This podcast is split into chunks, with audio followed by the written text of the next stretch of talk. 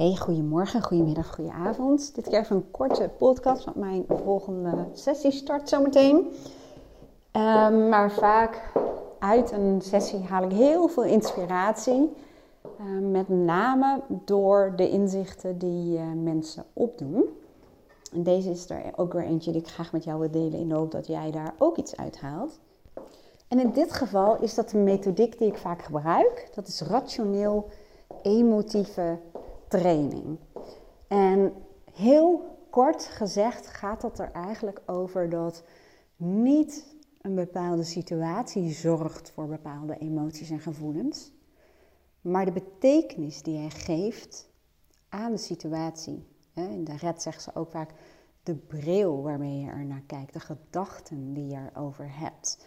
Nou, en hierop voortbordurend, gedachten er zijn feitelijk gewoon constructies van woorden. En woorden op zichzelf, zelfs één enkel woord, kan al een bepaalde emotionele lading hebben.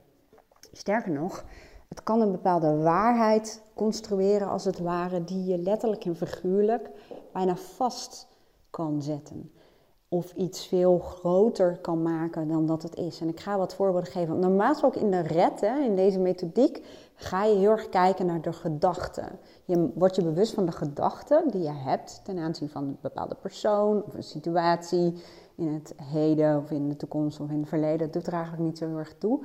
En dan ga je kijken van, um, zijn deze gedachten rationeel? Dus je gaat ze een beetje toetsen aan de wetten van de logica bijvoorbeeld en nog een aantal nou, wetmatigheden.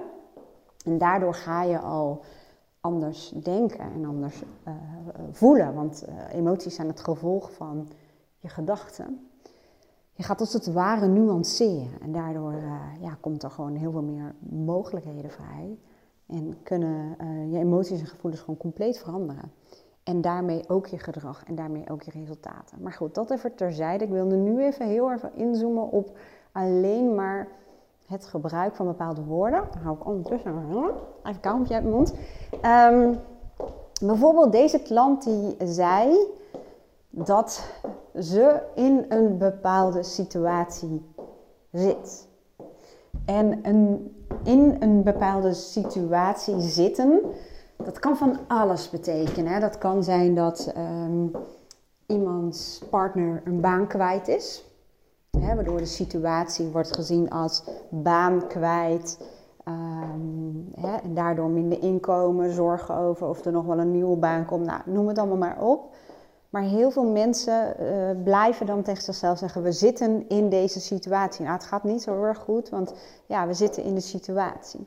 En natuurlijk is dat ook waarheid, maar voor je brein ja, je construeert een bepaalde waarheid die best wel heel beladen is. En ja, zie het ook letterlijk en figuurlijk maar voor je. Je zit in een bepaalde situatie. Het is net voor je brein alsof er feitelijk niets anders meer is dan alleen die situatie. Door alleen al bijvoorbeeld te kijken naar wat betekent eigenlijk het woord situatie. Wat is dat dan? En nou, wat we bijvoorbeeld vanmorgen hebben gedaan, we hebben de situatie als het ware even uit elkaar getrokken door er losse um, onderdeeltjes van te maken, losse feitjes. Dus ik vroeg ook naar wat zijn de feiten? Nou, ze noemden een aantal feiten. En toen zei ik, zijn er ook uitzonderingen? Nou, toen noemden ze best wel een hele reeks aan uitzonderingen. En daardoor uh, hoefde ik eigenlijk bijna niks te zeggen. Toen zei ze al van dat ze het al voelden. Dat ze al merkten wat het verschil eigenlijk is door um, ja, er eigenlijk anders naar te kijken. En het anders er naar kijken doe je vaak door je woorden te veranderen. Net als ik zelf vroeger een handje in had. En daar heeft mijn eigen coach me heel bewust van gemaakt door te zeggen dat ik op een kruispunt sta. Of wacht, op een splitsing. En heel veel van mijn eigen klanten zeggen dat ook. Weg inslaan, stappen zetten op een splitsing, op een kruispunt, keerpunt.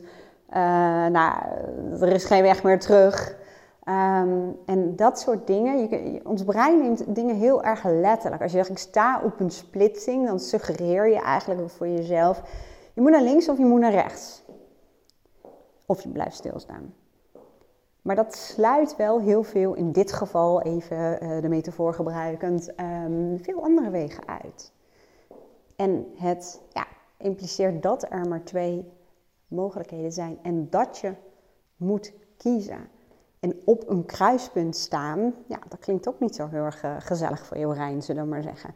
En door letterlijk andere woorden te gaan gebruiken, alternatieven, zie je al vaak ehm, dat er dingen veranderen. Heel vaak zie je dan mensen al met bepaalde oplossingen komen. Of ja, ik kan natuurlijk ook zo. Ja, wat ik ook nog zou kunnen doen. Of eigenlijk, waar gaat het eigenlijk over? Dus het is ook een stukje bewustwording.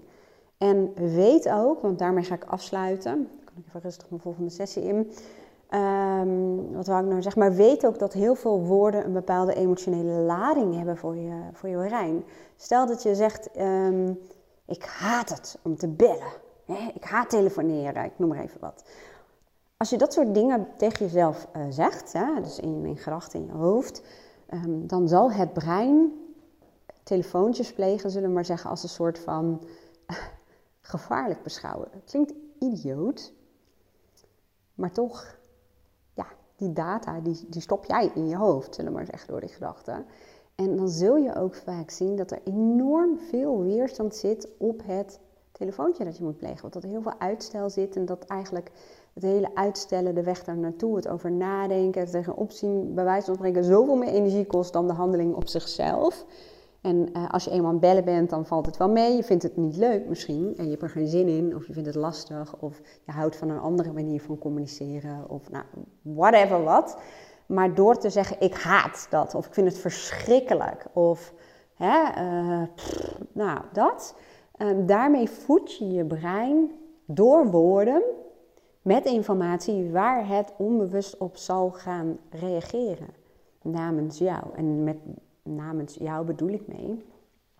Je brein is geprogrammeerd, primair in elk geval, om jou veilig te houden, om te overleven. En als jij het voedt met gedachten als uh, dat je het haat.